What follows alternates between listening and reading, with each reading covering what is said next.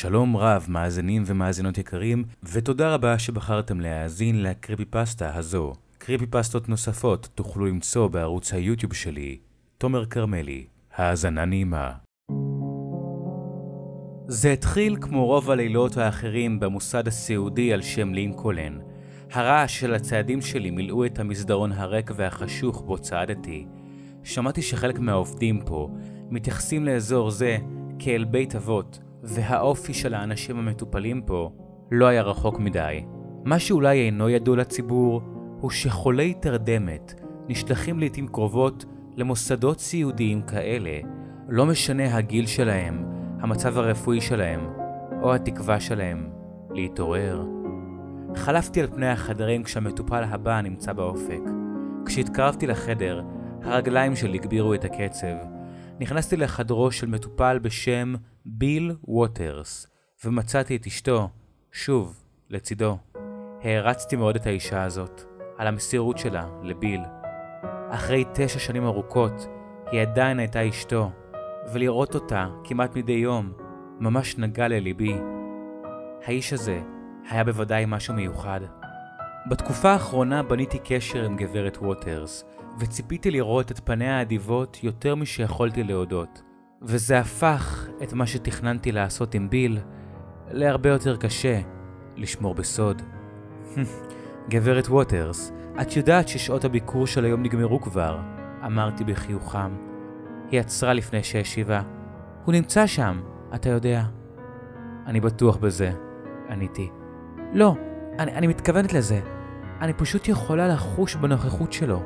כשאתה נמצא עם מישהו זמן רב כל כך, כמו שאני וביל היינו ביחד, אתה פשוט יודע. אני מרגישה שהוא כאן. לא הייתי מגיעה לכאן אם... דמעה זלגה לחייה. הייתי מאופנת מכך שהיא לא הרפתה, שהוא עדיין חלק גדול ממנה, למרות שהוא בתרדמת. מצאתי את עצמי נמשך אל ביל יותר משאר המטופלים האחרים. למעשה, פיתחתי אפילו סוג של אובססיה לגביו. חיבתה של אשתו לבעלה המורדם הייתה מושכת. כבר החלטתי שאני אנסה משהו לא שגרתי עם ביל. למען האמת, זה היה צריך להתחיל למחרת מהשיחה שלי עם מרתה באותו הערב. החרדה מילאה אותי בסיוטים וחלומות הזויים באותו לילה, וההרגשה נשארה איתי גם ביום למחרת. אתם מבינים? היו לי תוכניות גדולות לביל. היה לי את אותו החשד שיש לי אשתו כבר די הרבה זמן. למרות שהוא הוכרז כצמח על ידי עמיתי הרופאים, היה משהו בפניו שפשוט צעק שהמצב שונה. שמחתי כשחיברתי אותו למכונת ה-FMRI, כי ראיתי כמה תוצאות מדהימות. הפעילות המוחית שלו הייתה חיה ומלאת אנרגיה. למרות שהיו לי ספקות בהתחלה, התוצאות העידו שלמרות שאינו מסוגל לדבר, הוא כן מסוגל להגיב לקול שלי ולענות על שאלות ברמה הנוירולוגית, כלומר, בסריקת המוח שלו. שמרתי את המידע החשוב הזה אצלי, ולא גיליתי אותו לאף אחד משתי סיבות. קודם כל, אני מניח שתקראו לזה מעשה אצילי, אבל רציתי להיות בטוח במאה אחוז שהוא עדיין למעשה בהכרה, לפני שאני מוכן לתת לאשתו הסובלת תקווה כלשהי. שנית, אני מניח שהסיבה הנרקיסיסטית, בתור מדען מוח בנפשי, נתקלתי במשהו שמשנה חיים. רציתי מאוד להרשים את הקהילה הרפואית ואת הציבור הרחב במה שתכננתי עבורו. במתקן שלנו הייתה מכונת FMRI אליה הייתה לגישה בלתי מוגבלת בלילה. ולכן, כשחיברתי את ביל לצינור המכונה, אמרתי לו לחשוב על רוח קיץ חמימה. בדקתי את הסריקות, ואמרתי לו לחשוב על זה שוב. התוצאות היו דומות להפליא. הסברתי לו בצורה ברורה ומפורשת שזה אומר כן. כלומר, שאם הוא רוצה לענות כן לשאלה, הוא היה חושב על אותו משב רוח. ואז דיברתי אליו. ביל, האם אתה מבין אותי? סערה של פעילות מוחית באה בעקבותיו, לא מציג את התוצאות שחיפשתי. תקשיב ביל, אני באמת צריך שתתמקד. בכל פעם שתחשוב על רוח קיץ חמימה, זה אומר שהתשובה שלך היא כן. האם אתה מבין אותי ביל? דפוס המחשבה הופיע פעם נוספת. חיוך נסדק על פניי. יופי. עכשיו ביל, אני רוצה שתחשוב על דלי מי קרח. אני רוצה שתדמיין שאתה טובל את היד שלך במים. אני רוצה שבאמת תרגיש את הקור ביל. המסך הראה פעילות מוחית שונה לגמרי מהקודמת. תחשוב על זה שוב, אמרתי לו, ואותן התוצאות הופיעו. יופי. זה אומר לא. התאמנתי איתו על כן ולא במשך כמה זמן. הוא קלט את העיקרון במהירות מדהימה. כשהייתי מרוצה מיכולתו להגיב, לבסוף שאלתי, האם קוראים לך ביל ווטרס? התוצאות הצביעו כן. חיוך רחב יותר היה על פניי. יש לך אישה? כן. יש לך ילדים? לא. הייתי מודאג מאוד מכך שאקבל תוצאת כן נוספת. כשראיתי את הדפוס הנוירולוגי עולה, המצב רוח שלי התרומם, וההערצה שלי לאיש הזה גדלה פי עשרה. ואז שאלתי את ביל שאלה שחששתי ממנה. ביל, האם כואב לך? כן. הלב שלי שקע. הפעילות שראיתי הצביעה על כך. לא יכולתי להבין את הייסורים הקיימים שהוא בטח חווה, שלא לדבר על הכאב הפיזי המייסר. חלק קטן ממני בית בחדר הזה. זה רק חיזק את הנחישות שלי לנסות לעזור לאיש הזה בכל דרך שיכולתי. אוקיי, ביל, אתה יודע איפה אתה נמצא? כן. אתה נמצא במתקן טיפול לינקולן. האם זה נכון? לא. ניסיתי שוב, ופישטתי את השאלה. ביל, האם אתה נמצא במוסד טיפול? לא. פה הבלבול התחיל. שיערתי שאני מתפעל כל כך מההתקדמות של ביל, שלא הצלחתי להבין את העומש ששמתי עליו. עצרתי את העבודה לאותו יום, ושמרתי את הממצאים שלי לעצמי. לא הייתה סכנה שהוא יברח לשום מקום, והיו עוד הרבה בדיקות להריץ, לפני שיכולתי לפרסם את הגילוי המדהים הזה. במיטה שלי באותו הערב, הגעתי לדרך פעולה שאפתנית. זה ייקח הרבה זמן ומאמץ, אבל הייתי בטוח שאוכל להשיג תוצאות. ביום שאחרי, גיליתי בפני ביל את התוכנית שלי.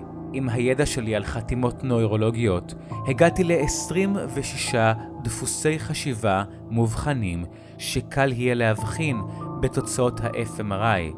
26 דפוסים, כלומר 26 אותיות. האות A היא מחשבה על ערימת חול, B זה לחכך את האצבעות על כרית נצנצים, וכו'. כל אחד מהמחשבות האלה ייצג אות מה-ABC.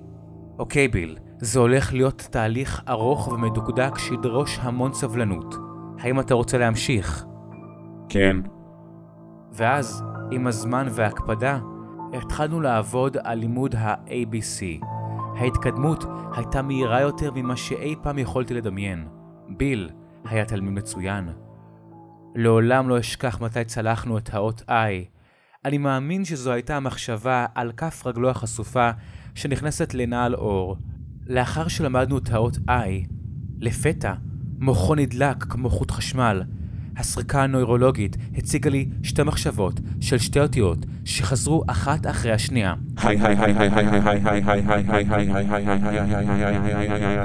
ליבי קפץ בשמחה גדולה מעולם לא יכולתי לדמיין שמישהו משותק פשוט משדר לי היי. המילה היי, לא האמנתי שמילה כזאת פשוטה תמלא אותי בהתרגשות כה גדולה. באופן מוזר, באותו הרגע הרגשתי קרוב יותר לביל ממה שהרגשתי אי פעם לבן אדם אחר. דמעות עלו בעיניי. ובכן, היי ביל! למחרת, חיברתי אותו שוב לצינור. הדבר הראשון שהוא אמר לי היה היי היי היי היי היי היי היי גנום היי היי היי ההתרגשות שלו הייתה מוחשית. ההרגשה הזאת נגעה בי שוב. עם זאת, היינו כל כך קרובים להשלמת ה-ABC. הצהרתי לו בתוקף שאנחנו צריכים להמשיך ללמוד. אמרתי לו להתרכז במשימה שעל הפרק. המשכנו בעבודתנו, ובאותו שבוע התקדמנו משמעותית. הלכתי לישון באותו יום שני עם חיוך על הפנים, ותחושת נחת והישג שאין שני לה. עד היום למחרת. אז ביל, בוא נדבר. היי היי היי היי היי או אלוהים גיהנום היי היי היי היי היי היי ביל, תתרכז לרגע. מה השם שלך? חיכיתי בסבלנות כשמוחו של ביל עבד. ביל או אלוהים וואו ביל עבודה נהדרת, ביל. מה שם אשתך? מרתה, היי, היי, היי, עזרה. מעולה. ביל, איפה אתה נמצא כרגע? בגיהנום. הלב שלי החסיר פעימה.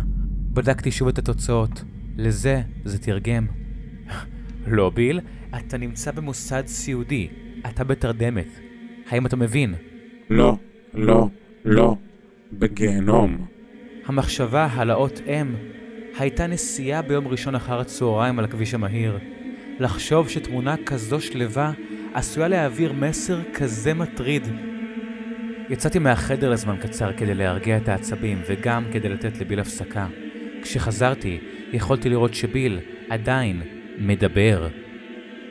עזור לי, עזור לי, כל כך חם. היי, היי, היי, היי, היי, גיהנום, היי, היי, היי. ב- ביל, ב- בבקשה תירגע, גמגמתי. אתה בבית חולים, אתה בסדר, אני כאן, זה יהיה בסדר. לא, גיהנום לנצח, גיהנום. בפעם הראשונה, מזה זמן רב, הרגשתי חסר אונים. עם כל העבודה הקשה והזמן שבילינו יחד, הייתי קשור אליו. הרגשות שלי התרוממו גבוה. זה היה לא מקצועי ודורש רגע, אבל פלטתי את הדבר הראשון שעלה במוחי. ביל, פשוט התעורר! אמרתי לו בבכי. פשוט התחברתי אליו יותר מדי בשלב הזה. בזמן שהמחשבות שלי מיהרו בראשי, מוחו של ביל החל להגיב שוב. הסתכלתי על התוצאות. לא, לא יכול להתעורר. לא להתעורר. לא יהיה אני. מה? מה הכוונה, ביל? שאלתי. ביל לא יהיה. אימון. שם של שד. אימון. פחד מילא אותי. בשלב הזה התחלתי להטיל ספק ביכולתיי לפרש קריאות אלה. עם זאת, לאחר שבדקתי הכל, המסר, המסר של ביל, היה חזק וברור. זה יהיה בסדר, ביל. אני כאן, יהיה בסדר. הבטחתי לו שוב ושוב. לא, לא. אני בגיהנום נצחי. הנפש שלי לא הייתה שקטה. הלכתי הביתה באותו לילה וניסיתי לישון, אבל לא הצלחתי להירדם. שיחה מפתיעה מבית החולים העירה אותי. לאחר שניתקתי את הטלפון, מיהרתי לבית החולים. לא היה אכפת לי מהשעה, הייתי צריך לראות את זה בשתי העיניים שלי, וכשהגעתי, זה היה הוא. ביל היה ער ודיבר, fucking נס רפואי. נכנסתי לחדר וראיתי את מרתה מחבקת את בעלה, אבל השמחה שציפיתי לקבל ממנו כשיראה אותי, מתה על ידי מבטו הנוקב והקפוא של ביל. כשהצגתי את עצמי בפניו, עיניו הביטו עליי. הם לא הפרישו אפילו קצת מהחום שדמיינתי שהם יפרישו. מבטן היה קר ומחושב, הוא הביט בי במצח מקומטת ולא לחץ לי יד. מספיק הוגן, אני מניח. הוא עדיין התאושש. בכל זאת, הוא היה בתרדמת תשע שנים. הסתכלתי על מרתה כשהיא המשיכה לתפוס את בעלה. החיוך על פניה סירב לעזוב, אפילו כשביל בבירור נרתע מהמגע שלה. למחרת פרסמתי את מה שעשיתי. פרסמתי את התוצאות שלי, את כל המפגשים שלי עם ביל, ואת הדרך הגאונית בה דיברתי איתו, למרות שהיה במצב של צמח. הוכתרתי בעולם הרפואה כגיבור, וקיבלתי את כל השבחים שציפיתי להם. אבל למרות זאת, הכל הרגיש ריק. ביל לא רצה שום חלק מזה, ונשאר מנותק ואדיש כלפיי. בהתחלה, דאגתי שהוא חשב שניצלתי אותו, אבל נראה שזה לא המקרה. ברגע ששמעתי על החלמתו המופלאה, לא יכולתי לחכות לפתח איתו ידידות, אבל הבחור לא רצה אפילו קשר איתי. פרצוף כועס שלא ניתן למחיקה היה על פניו. הוא דחק כל הזדמנות למחקר עתידי איתי. הוא אפילו סירב להיפגש לקפה איתי, מה שכאב מאוד. כל זה הגיע לשיאו בשיחה שקיימתי עם אשתו של ביל לפני שלושה שבועות. היא נכנסה למשרד שלי ונראתה חלשה ומפוחדת. היא הייתה נראית מותשת. לפני שהספקתי לברך אותה, היא אמרה, זה לא הוא, זה לא בעלי. סליחה? אמרת? מה הכוונה? זה לא בעלי, דוקטור. בעלי, בעלי היה איש חביב ועדין, תמיד עם החיוך הכי חם על הפנים, אבל הבחור הזה, הדבר הזה... היא לא יכלה להמשיך ופרצה בבכי. חיבקתי אותה בזמן שנאלצתי להחניק את הדמעות שלי תוך כדי. תקשיבי מרתה, הוא עבר הרבה. חולים רבים שמתאוששים ממצב של תרדמת, חווים שינויים באישיות והתנהגות חריגה. פשוט תחכי בסבלנות. הוא יהיה הביל שתמיד אהבת. רק תני לזה זמן, אמרתי לה בשכנוע. אבל לא האמנתי לאף מילה. משהו באמת לא היה בסדר. לא היה ניתן להכחיש זאת. רק תני לזה זמן, מרתה. אמרתי לה. לרוע מזל, זמן לא נותר למרתה.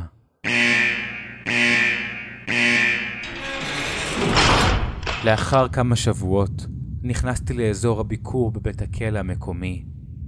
אני מתיישב מול חלון ומרים את השפורפרת. מולי יושב ביל, בוהה בי בחזרה מהצד השני של החלון, פנים שפעם מילאו אותי בתקווה. עכשיו אני בקושי יכול להסתכל על המפלצת הרצחנית הזאת בלי להרגיש פגוע פיזית. אלוהים, משהו עשה למרתה, איך שהם מצאו את הגופה שלה. טיפות זיעה תלויות מתחת לעיניו החודרות. הן ממוקדות עליי בעוצמה אכזרית, והוא מרים את השפורפרת. הוא לא אומר כלום, פשוט בוהה בי ומחייך באכזריות. דבר אחד בטוח, מולי לא יושב ביל, זה לא הוא. אני עוזר אומץ. אני מרים את השפורפרת ומדבר אליו. אימון? האם זה אתה? לפתע עיניו בוהקות. הכעס שלו הופך לפתע לשלווה כשהוא פולט גיחוך רצחני בין שפתיו. זה הופך את פניו למראה של רוע טהור ולא מזויף. עכשיו זה ברור, משהו קרה שם. זה לא ביל שאיתו אני מדבר. אני נלחם כדי לא להסתכל לו בעיניים. לפתע הוא ממצמץ, וסוף סוף מדבר אליי. ברכות, דוקטור וויליאמס. ביל מוסר לך. היי,